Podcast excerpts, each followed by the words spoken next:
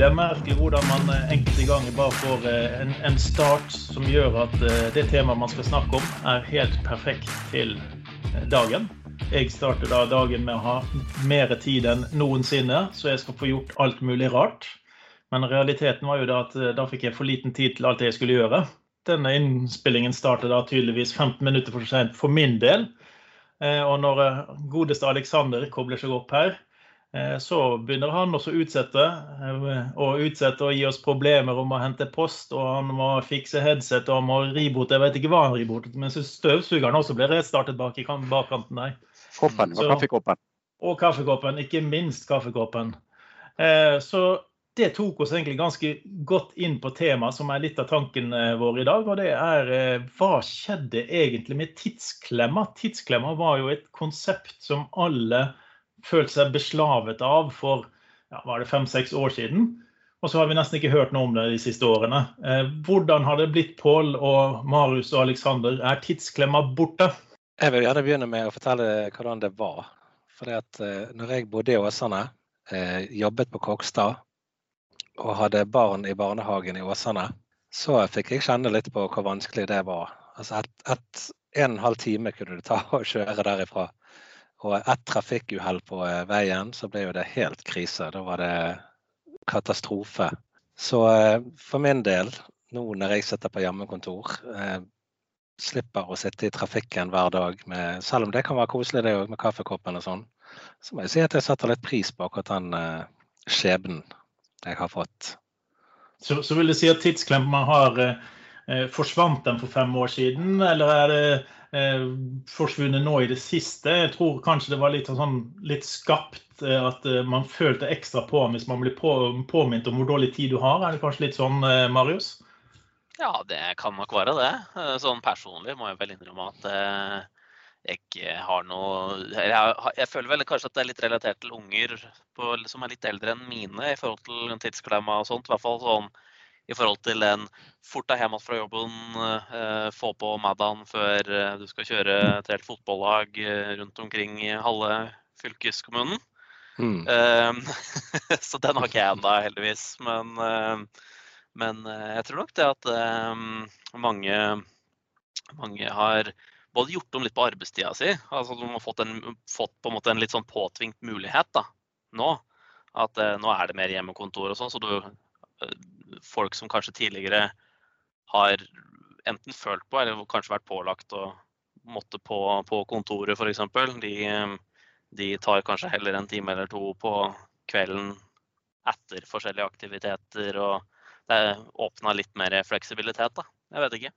Hmm. Jeg tror også dette kan være en modningsprosess. Der vi så, eh, som begreper du har brukt veldig mye tidligere, Olav, alt foregår i evolusjoner, ikke revolusjoner. men eh, vi oppdaget jo her det at vi fikk smarttelefoner. Vi fikk stadig nye forventninger og krav til oss i jobb og IT-verden.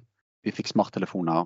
Vi hadde utrolig mye som skulle gjøres. Privatlivet krevde mer av oss. Det var en veldig stor forventning til til man skulle, skulle delta på. Gjerne også som kom inn fra sosiale medier. Ingen er jo så vellykket som sosiale medier-livet ditt. Mm. ja, for det var kanskje et større trykk eh, spesielt i begynnelsen av Facebook, eh, hvor alle var mer opptatt av å gi, gi inntrykk av et travelt og, og, suksessfullt liv. Og desto travlere du var, desto mer suksess hadde du. Så kanskje var det litt av tidsklemma. For det, det, eh, passer jo ganske inn med timelinene her. At når tidsklemma oppsto som et begrep som, vi, som, opptok oss, eh, så merket vi da at da var faktisk eh, Facebook eh, på kanskje sitt sterke, sterkeste noensinne når det gjaldt vekst og personlig utlevering av eget liv. Hmm. Ja, definitivt. Så man har vel gjerne fått en modningsprosess, og man har begynt å akseptere det at uh, sosiale medier, digital, altså den digitale sfæren til det enkelte liv, har egentlig bare flyttet seg til å bli en del av det digitale livet ditt. Det er ikke livet ditt. Mm, så kanskje du slipper den med å løpe rundt, at du kan heller treffe dem digitalt i noen tilfeller?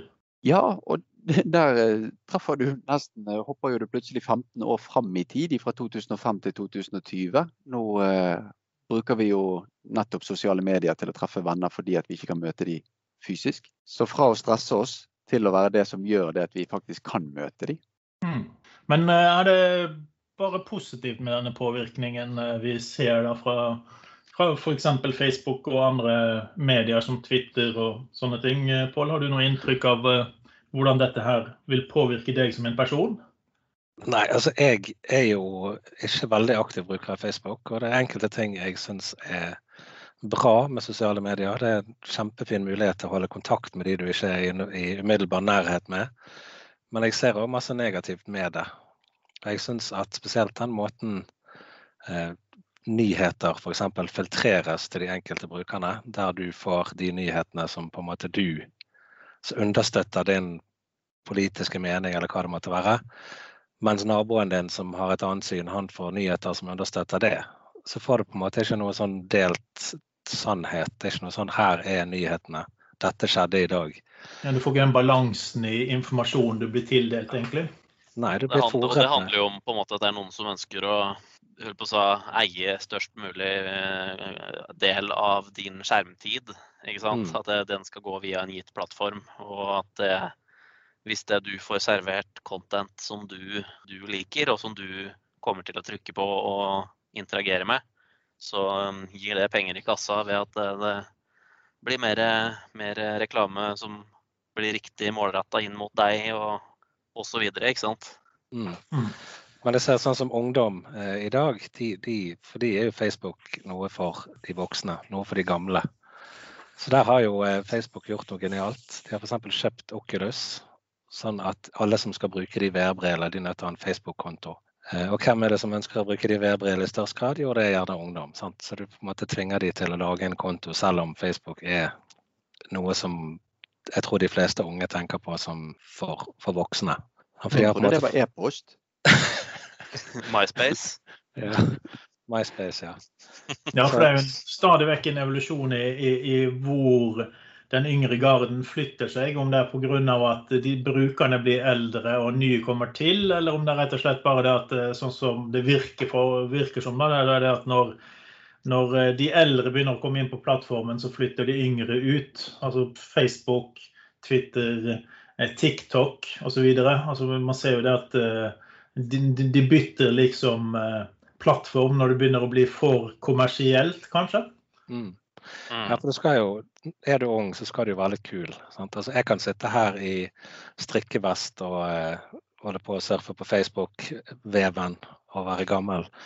Mens du skal ikke det når du er ung. Sant? Da er du på en måte opptatt av dette å være kul, tenker jeg. Så da går det vel i Snapchat og TikTok og hva det måtte være. Det hørtes seg veldig gammel ut. Det ja, det er helt riktig. Men poenget er at altså, du kommer til en viss alder, så driter du i hva folk tenker om deg. Det er det som er poenget. Men, men, det som kanskje er litt skummelt, da, det er at eh, hvis man ikke har kjennskap til plattformen som blir brukt, eh, og de blir da styrt av kommersielle krefter, så kan det jo fort bli til at Eh, som vi snakket om, at eh, du får et ensidig bilde på, på ting. Og det, det, er jo noen som betaler kommersielt for å fremstille mest mulig positivt. Det var vel du Alexander, som nevnte det her med at du fikk, man kunne få veldig mye eh, Biden eller veldig mye Trump, avhengig av hva du egentlig søkte på. Og så får du da et inntrykk av at verden er basert rundt de nyhetene. For det, før har vi jo fått alt ufiltrert. Vi har jo kjøpt en avis, bladd gjennom hele avisen. Eh, vi har kanskje kjøpt flere aviser, vi har sett nyhetssendinger. Og de har jo normalt sett vært litt mer allsidige enn det du kanskje så, ser som pop-up i Facebook eh, når du går inn. Mm, ja, sånn det er jo veldig flerdelt dette. Eh, tidligere så hadde man gjerne litt mer politisk vinklede aviser. Altså, det, er jo ingen hemmelighet at f.eks. Klassekampen er heller rød i, i fargen når det kommer til avis, men da vet du det når du kommer inn der. Facebook har ingen politisk fløy. Men det som har skjedd, var det at i 2010 ble det definert et eget begrep for dette av Eli Pariser, som kalte det for the filter bubble. Og det mm. som skjer, det er at du kjøper ikke Klassekampen, du kjøper ikke Aftenposten. Alle har Facebook. Men Facebook for meg er enten eller basert på den personligheten og tingen jeg har. Så man faller veldig fort tilbake til litt sånne interessante problemstillinger. Velger ungdom TikTok fordi at det har innhold som appellerer til ungdom? Eller er det flere ungdom, eh, eller klarer TikTok å levere innhold som appellerer til ungdom? Altså Er det innholdet som trekker ungdommen, eller ungdommen som lager det? Og, altså Er det en gjensidig påvirkning der, kan man si? For hvis Facebook hadde hatt innhold som utelukkende appellerte til barn og unge, så ville man trolig sett flere barn og unge der i en egen liten filterboble. Men eh, så, som Pål Erik sier, her sitter han i skinnvest og sydvest og alle mulige andre ting og lusekofte. Og da, og da, da, skremmer det bort veldig mange barn og unge. For det er ikke så, stort informasjon, altså så stor Sier du at jeg skremmer ungdom vekk fra Facebook? Du, vi er tilbake til Maskorama her. Vi er tilbake til Maskorama. Det er Ja, det, dette er faktisk noe av det styggeste du har sagt til meg, Alex. og Du har sagt mye. Men vet du hva som er mest sjokkerende med Facebook, sånn som det er i dag? Det, det er hvordan det oppfattes som en solid og seriøs eh, medieplattform. Når politikere, oppegående, smarte politikere i Norge kan si at ja, jeg blir sensurert på Facebook, det, hvordan kan de gjøre det? Da, da fremstiller de det som at Facebook er en sånn mediekanal der de kan legge inn sitt innhold, og så er det på en måte en profesjonell plattform. Sant? Men Mm. Facebook er privateid. De, Ja, hvor, mange, hvor mange ganger har vi ikke sett, eh, sett intervjuer på nyhetskanalene fra diverse velgere, eh, og de refererer til kunnskapen sin som de har fått på Facebook eller Twitter? mm. Det er jo ikke noen, eh, altså hvis- Hvis det er den eneste måten du får informasjonen din inn, hvordan skal du da i det hele tatt ha et inntrykk av hvordan virkeligheten egentlig er? Ja, ikke sant? Og sånn som min verden da hadde kun bestått av Microsoft og Terraform og litt forskjellige sånne type ting. Alt annet eksisterer ikke, i hvert fall på min LinkedIn og Twitter. Nei, for det er rart når, de først, eh, når, det, når, når A-en først har eh, figured deg ut, så vet han jo nøyaktig hva han skal bombardere deg med. Mm. Jeg husker vi, vi leide et hus i, i eh, feriehus i Danmark en gang. Eh, og i, sikkert i fire uker etter vi hadde vært inne på siden og så sett på huset, så ble vi da eh, bombardert med reklame for at dette huset var ledig i sommer. Akkurat samme huset som vi hadde vært inne og sett på. Så, Mm. det, så det er veldig målbevisst eh, det som går ut, om det er reklame eller om det er det noen vil kalle nyheter eller meninger de vil få ut. Og det som er morsomt, er jo det at jeg fikk akkurat den samme reklamen. Fordi at du sendte jo det feriehuset til hvor du skulle bo, så jeg trykket inn på den. AI-en var ikke fullt så utviklet på det tidspunktet. Men med en gang man klarer å så knytte sammen det at det er Olav som er potensiell kjøper, jeg er bare en støttepåvirker for den, så kan man jo risikere det at Olav får masse reklame for gode tilbud, mens jeg får masse støttende ting om at dine venner som har vært i Danmark, kan kanskje ha med deg noe fint hjem. Ja, ja, ja. Men det er, det er skummelt når folk ser på Facebook som en seriøs nyhetskilde Mm. og, og påstår ja, men jeg ble sensurert, meningen min ble slettet. At de fremstiller dette som at det nesten skulle vært NRK eller TV 2. Dette er jo privateie. Det eneste de er ute etter, og dette er viktig å forstå, eneste Facebook vil, det er å tjene penger. Mm. Beste måten å tjene penger på, det er å ha en profil på deg der de vet mest mulig om dine likes og dislikes. Sånn, Og da kommer det feriehuset i fire uker, f.eks.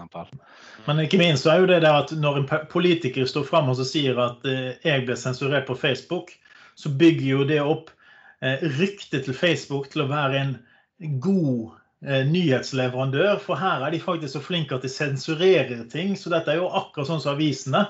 Så da kan vi stole like mye på det. Så det, det at de står fram og sier sånne ting, eh, styrker jo faktisk det de egentlig ikke burde styrke. Mm. Jeg tenker at I denne tiden her så, så trenger vi gode nyhetskilder. Vi trenger f.eks. NRK, vi trenger eh, konkurrenter til NRK som faktisk gjør et godt journalistisk arbeid ut og henter inn informasjon og på en måte fremstiller det. Gjerne ikke 100% objektivt, for det er nesten umulig. Men i hvert fall så nærmt mulig objektivt eh, som man kan. da. Mm. Så, kan man jo alltid prøve å lese den motsatte meningen av og til òg. Altså, det har jo vært ganske mye diskusjoner nå med, med diverse kjendiser som, eh, som blir fremstilt som det ene og det andre bare hvis de prøver å forsvare noe. Det er litt av problemet vi, vi har der, det er at det er jo det er ikke lov å stille spørsmål mot noe noen mener er politisk ukorrekt. Hvis man vil finne ut er denne grensen kanskje strukket for langt, eh, så, så, så blir det en veldig vanskelig diskusjon å ta opp, og du blir ofte beskyldt for mye rare ting. sant? For meg har det litt med respekt å gjøre. Altså Hvis jeg ikke respekterer at du mener noe annet enn meg, så kan vi aldri ha en god dialog. Så enkelt er det. Mm. Vi hadde en liten diskusjon her på, eh, når vi hadde oss en, en kaffe her forleden dag. Det var jo egentlig det debatteam-tankegangen de har i USA. eh, Hvor eh, de som går på skolen, de kan delta på debattlag. da, Og debattlagene får faktisk tildelt sin mening som de må beskytte. Mm. Og det er liksom sånn vi alle egentlig bør sette oss inn i tankegangen litt. Hvis det er noe du er imot, prøv å sitte ned og så ta de positive tingene som du tror de kan mene er positivt. Mm. Eh, For det er faktisk lettere å forstå dem, og det kan også være lettere å, å argumentere mot dem hvis du ser hvor de kommer fra. Sant? absolutt. Men debattklimaet i USA akkurat nå, eh, det er ikke veldig moderat. Det er ganske krasse eh, meninger som kommer frem, og veldig steile grenser mellom de. sant? Mm. Men de er jo veldig ofte ekstreme på den ene eller andre siden, og det tror jeg mangler ofte for at ikke du prøver å sette deg inn i hva er eh, Hvorfor skal vi være imot eh, Apple-produkter og Mac-er? Men ja. Mm, og det, det, tenker jeg er faktisk en av de tingene som er verst med sosiale medier. Det er at de får òg frem det som er veldig sterke meninger. Altså, det store flertallet er jo ikke representert i disse debattene. Mm. De, som er, de, som er, moderate, er ikke interessant å fremheve. Sant? For det er ikke nok klikk, det er ikke nok eh, oppmerksomhet. Jeg syns det du nevner der eh, med skoledebatter, å få det inn eh, veldig tidlig både på barne- og ungdomsskolen, en veldig fin øvelse. Første gang jeg snublet over dette her i mitt liv, var faktisk i voksen alder når, du, når, når jeg tok fag i språk og vitenskap og, og, i filosofi på universitetet. Der jeg fikk i oppgave om å argumentere for og imot rushtidsavgift. Og jeg var nødt til å argumentere både for og imot, uavhengig av personlig ståsted. Og du fikk karakter på om du var flink til å argumentere for og imot. Så du var nødt til å argumentere for og imot, uavhengig av om du likte det eller ikke. Mm. Så det var en utrolig interessant øvelse å måtte ta stilling til punkter for og imot, uavhengig av hva du selv mente i en sak. Og det gjør ikke Facebook, det gjør ikke Twitter. Marius Nei, du, du får liksom ikke den inputen til å kunne forstå den andre siden. sant? Ja. Mm. Ifølge. YouTube så elsker jeg bare Lego om dagen. For jeg så jo tross alt på noen Lego-videoer med fireåringen her om dagen. Så. ja, ikke sant? Mm. Mange ganger har ikke du fått ødelagt Spotify-anbefalingene dine ja. pga. at du har hatt en tur med ungene? i sommer. Pokkers babyshark. Og Da har jeg et spørsmål til dere. Er det rom for de moderate meningene i dagens eh, sosiale medielandskap? Det bør jo være rom for dem, men, men jeg tror det er liksom eh, det, det, det, er liksom det med et ytterpunkt. Det er det at Hvis du skal være sikker på at du kan få 10 millioner til din sak, så ber du om å få 100. Mm. For da er det større sjanse for at du kan få dem. Så Derfor tror jeg veldig mange ganger så ser man at tingene går helt ekstremt i hva de spør om, hvilken retning de går om. For at de vet at da kan de møtes litt mer på det realistiske de egentlig er ute etter. Og Sånn, mm. sånn er jo media òg. De, de, de, vil ha folk. Og hvis de kan ta fram en skrulling som sier noe på, på sidene sine, eh, så, så, vil eh, mange reaksjoner vekkes. Eh, og det vil eh, skaffe omsetning, da. Mm. Ja, nei, jeg ser i hvert fall det at jeg har jo eh, vært litt opptatt av politikk i dette valget. Syns det var spennende å følge med. Så jeg har fått en del eh, Twitter-følgere som jeg følger, som har veldig sterke politiske meninger. Det har for så vidt ikke jeg. Og jeg ser måten du, de blir omtalt på. Sant? Sitter du på venstresiden, så er det gjerne de som stemmer Høyre, kapitalistiske, fæle mennesker. Og de som, de som sitter på høyresiden, de sier gjerne at de som sitter på venstresiden, de er sosialistiske, gale mennesker som vil gi vekk alt og sånn. Så du får ikke den gode debatten, føler jeg. Det, ja. det, er på en måte bare For å få flest mulig likes, så må du ha en litt ekstrem mening. Mm, veldig godt poeng. Altså, det, det, det, er jo, de fleste ligger jo ganske mye i midten. Så de mm. fleste er jo en balansegang på det, det, meste, heldigvis, og det er jo det vi trenger. Men, men de kommer ikke så langt fram, så man får jo et inntrykk av at tingene går en og andre veien. Et, et, et søkt eksempel er jo der eh, Miljøpartiet De Grønne ønsker å forby alle biler i Oslo. Men eh, målet er jo gjerne det at de ønsker å få færre biler. Men da må de ta et veldig langt steg for å få litt av den effekten de ønsker. Mm, akkurat som vi snakket om. Altså du, må, du, må, gå mer ekstremt for å få noe. Men er det tekn teknologisk, da? Er det noe vi kan gjøre? Eh, Fins det noen uh, muligheter for å sørge for at vi får en bedre feedback? Altså, en, en ting jeg hadde likt, er jo det at hvis det popper opp et, et, tilbud hele tiden på den disken jeg allerede kjøpte på komplett, Eh, så skulle jeg jo gjerne kunne sagt at jeg har kjøpt skiten, jeg har ikke lyst på flere. Sant? Så du slipper å få bli bombardert. Altså, sånn teknologisk så burde det vært en mulighet i reklameverdenen, og det hadde jo vært positivt for dem, så de kunne si, sende meg noe som kanskje kan være fornuftig i forholdet. da. Mm. Ja. Kjøpte du den disken jeg sendte til deg i går, altså? Ja, ikke sant. Jeg kommer til å få disken nå i tre måneder framover, og så kommer jeg til å få tilbud om disker. sant? Ja. Ja. men det er jo blitt sånn at skal du se en video på eh, Dagbladet eller VG, så må du gjennom eh, en haug med reklamer først. Jeg, jeg, tror ikke nødvendigvis det er det konsumeren vil ha. Så hvis du hadde hatt en sånn knapp som du sier dette interesserer meg ikke, dette har jeg, dette skal jeg ikke ha, osv., så, videre, så hadde du kanskje mm. fått en mer positiv holdning til den eh, styringen som vi ser. Ja, for vi, vi, ser jo i, i, Windows 10, Når vi starter opp Windows 10, så spør han jo oss om vi vil ha målrettet reklame når vi installerer det. Mm. så spør han jo om du skal ha en tilpasset, personalisert eh, reklamefeedback. Så er det kanskje lurt der å si nei, og hva skjer hvis du sier nei? Jeg har jo mistanke om at du får egentlig det samme sånn etter hvert allikevel, for det er jo nettsidene som henter ut cookiesene dine for, eksempel, for å finne ut hvem du er og hva du driver med. Det er jo ikke nødvendigvis operativsystemet. Du leter liksom etter det tredje valget. Jeg vil ikke ha reklame i det hele tatt. Pop-up bloggers f.eks. Det var jo veldig populært for noen år siden, men eh, nå er det vel ikke fullt så vanlig med pop-up bloggers lenger. Er det noen av dere som bruker det? Det er adblocker. I- Ja, jeg må innrømme at jeg bruker litt adblocker her og der, altså. Eh, Jeg skrur det av på liksom de sidene jeg bruker mye og sånt. Men eh, Riktig. Helt enig. enkel, liksom, ja, hvis det er innpå et eller annet, da, så, så hva det enn skulle vært. Så, og, og, og det er liksom noe jeg er innpå, ja, si ukentlig eller et eller annet, da, da kjører jeg på med reklame der. Men litt Mm. sånn en eller annen random side som jeg tilfeldigvis googler et eller annet problem som jeg prøver å løse, da, da, Mm. da kjører jeg adblock der, typisk. Det er vel sånn som jeg gjør det. Og da må jeg spørre deg, Marius, hva gjør du hvis du kommer inn på en side som ikke vil laste? Han sier at du er nødt til å whiteliste han for at han skal lastes. Fint. Da, har tar jeg, da tar jeg neste søkeresultat på Google. Riktig. Men du Alexander, du, du har jo eh, en annen vinkling på dette. for Du sitter jo på itprox.no. Eh, og Der er vel det ganske viktig at man, eh, sånn, sånn som Marius sier, at man slår av adblockeren på de man faktisk frekventerer og syns fortjener å kunne få livets rett. Det er veldig vanskelig, for jeg, jeg forstår alle aspektene. Eh, samtidig som mange aktører er avhengig av annonseinntektene, så er det det å finne, finne det begrepet som du har sagt. Sant? Hvordan kan vi sikre en god brukeropplevelse med å gi midler nok til disse tjenestene uten å plage brukerne?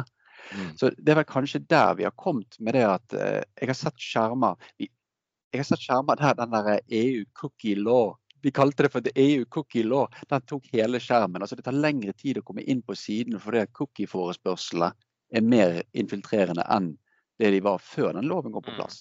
Så Facebook, eh, cookie-tillatelser, Twitter og alle disse integrasjonene er for omfattende. Eh, så man har kanskje gjerne ikke vært flink nok på veldig mange nettsider til å se trenger vi egentlig disse funksjonene her. Mm. Eh, En eh, plugin jeg bruker i mine nettleser heter Ghostery. Og jeg blokkerer ikke reklame på noen nettsider. Men jeg prøver gjerne å fjerne mest mulig ut av tracking cookies og masse sånn ting som ikke gir meg noen verdens ting. Det gir bare eh, tredjepartsaktører som si f.eks. vg.no. Det gir ikke VG noe, men det gir Google eller Adaware eller andre eh, tredjepartstilbydere masse informasjon om meg på tvers av plattformer. Og der er en utrolig interessant eh, sak. Har man egentlig politisk eh, anonymitet i Norge når man går inn på alle de politiske nettsidene i Norge og ser hvilken cookie-trackere de har? Ja, Aldri vært inne på en, så det vet jeg ikke. Nei, Nei. fordi Microsoft har ikke et eget parti, Marius, så derfor er ikke du så interessert i det. Nei, sant. Nei, men det er Microsoft klart- Folkeparti. ja, det, du lurer på hva de hadde stått for. Men det er jo som du sier, eh, du vil jo at de sidene som du faktisk setter pris på, som lager innhold som du setter pris på, du vil jo at de skal tjene penger. Det er ikke, det er ikke en motvilje mot annonsemodellen som helhet, men det er mer det at av og til så blir det en annoyance hvis du skal inn én gang i løpet av livet på en side, og så er det 4000 milliarder forskjellige annonser som du har ingen interesse av fordi at du skal lese tre linjer med tekst. Sant? Det er ja. De, de mest ekstreme er jo gjerne sånne som er basert på sånne forskjellige memes, som bare presenterer ut 30-40 forskjellige sånn he bilder i samme type liksom, tema. Ikke sant? Det er liksom, hva var det jeg så i stad som poppa opp et eller annet sted? Det var sånn typisk sånn yearbook-fotogreier. ikke sant? Så Da er det 40 sånne bilder. Og mellom hver enkelt så er det da reklame som laster hele tida. Så jo lenger du scroller nedover, jo flere reklamer viser du konstant. Og da, det er verre? Ja. Ja, hva Verre er det de på hver sin side, og så må du ta next, og så kommer Ja, det masse reklame. Og da går det så hardt utover brukeropplevelsen, men det er klart det er jo by design. Sånn, det skal bare generere reklame. Det er på en måte hele poenget. Det som Jeg nå bare for, for moro skyld så gikk jeg nå inn på, på, på Edge på settings og clear browsing data on close. Eh, Bare for å se litt på dette. Og jeg ser at cookies and other site data har jeg nå fra 557 sider liggende. Så, så et halvt uh, tusen uh, sider uh, har jeg da informasjon om som noen kan hente ut. Men man kan jo da i browseren si at det skal tømmes. Uh, kunne jo vært morsomt å lage seg en, en erfaring og finne ut er det er det OK å bare tømme den, eller vil du få de samme kjipe reklamen som kommer fra de som betaler mest for all people? Mm. Jeg tror noe av det verste jeg ser, det er de som krever registrering. Eh, F.eks. ja, her skal du få en gratis white whitepaper om Microsoft et eller annet. Bare registrer deg her. Mm. Det, det så, og så gjør du det, og så kommer det en sånn én side med informasjon som du egentlig har null interesse av. Sant? Da har de på en måte fått e-postadressen din som de kan drive og bruke for å sende deg reklame. Det, det, er ikke fair, rett og slett. Det er ikke det.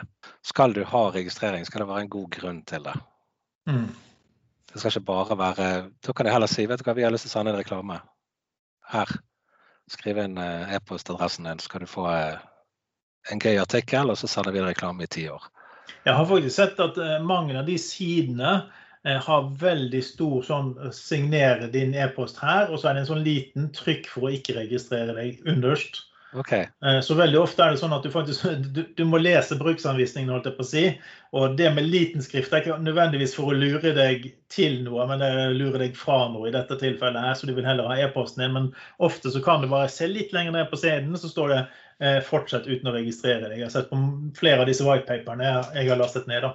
Men det er vanskelig å få med seg, og du tror ikke at det er relevant mot dette her. sant? Mm. Det er et godt poeng. Det jeg Også I forhold til e-postadresse eller e-postregistrering sånn, så har du sånn plus addressing. Um, Gmail har jo hatt det i all, alle år. Nå har vel også Exchange Online fått uh, funksjonaliteten uh, type Tror det kom ja, september 2020. Uh, og det er jo at du har på en måte det samme som du har foran e-postadressa. Det er helt foran alfakrøllen. Så slenger du på pluss 123 mm. at akkurat det samme som før.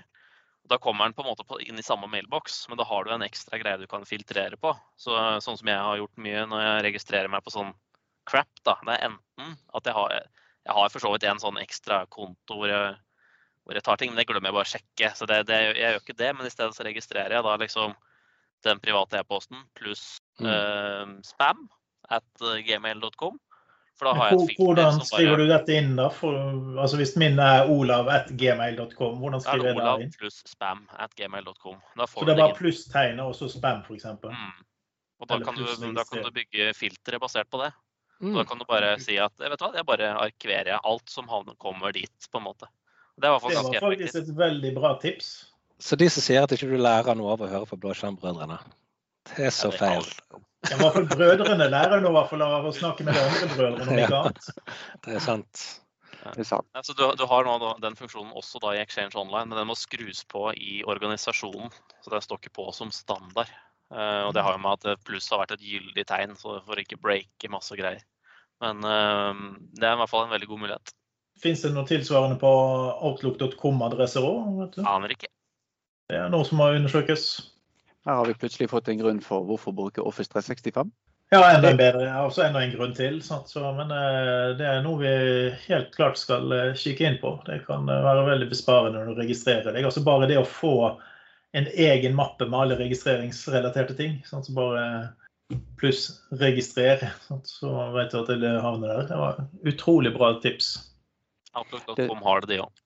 Ja, det, som, eh, det, som, jeg syns er litt fascinerende, for å dra tilbake til litt dette her med hvordan disse sosiale medier og, og egentlig alle, alle, all form for plattformleverandører opererer.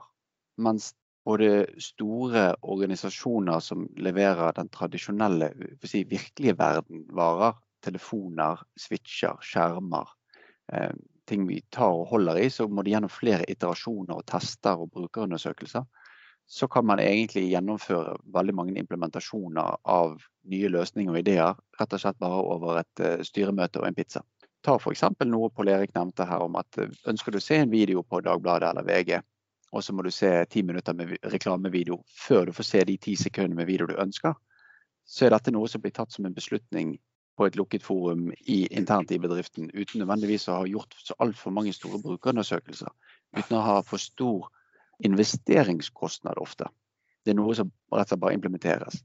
Når Facebook eh, utvidet eh, like-tommelen sin til nå å være hjerter og smilefjes og tårer og sint, så var det noe som ble implementert over en noe periode, men beslutningen ble jo tatt mer eller mindre over en pizza i en gang. Mm. Så veldig mange av de tingene som implementeres i sosiale medier, og måten man lager disse boblene på, man gjør produktene mer attraktive, kan være veldig raskt implementert og veldig raskt besluttet. Men jeg, jeg, jeg tenker at det, alt dette vi har snakket om i dag, det, det kan oppsummeres med at det er viktig å være selektiv med informasjonen man mottar.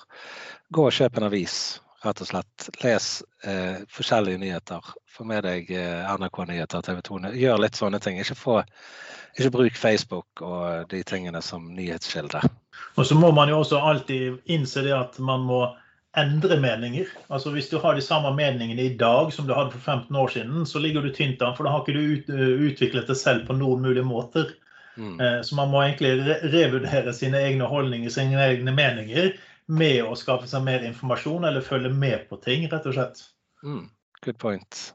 Jeg tenker Vi begynner å nærme oss eh, slutten på en, eh, kanskje den minst eh, tekniske diskusjonen vi har hatt. Men eh, Marius her kom jo inn og reddet oss inn med et superbra tips. så, så vi har fått det tekniske alibiet, så vi slipper å sette dette inn på en sånn rosa bloggside istedenfor eh, Podkastbrødrene. Yes. Eh, så det høres veldig bra ut. Mm. Eh, noen siste ord dere vil si om tidsklemma og bruken av sosiale medier før vi legger på? Jeg føler vi har fått sagt ganske mye fornuftig. Eller fornuftig. Vi har fått sagt mye, i hvert fall. Antallet ord er det ikke noe problem med. Nei. Nei. Men da må vi bare si takk for denne gangen. Og så diskuterer vi kanskje noe litt mer teknisk neste gang vi høres. Mm. Takk for denne Ha det gang. bra, alle sammen.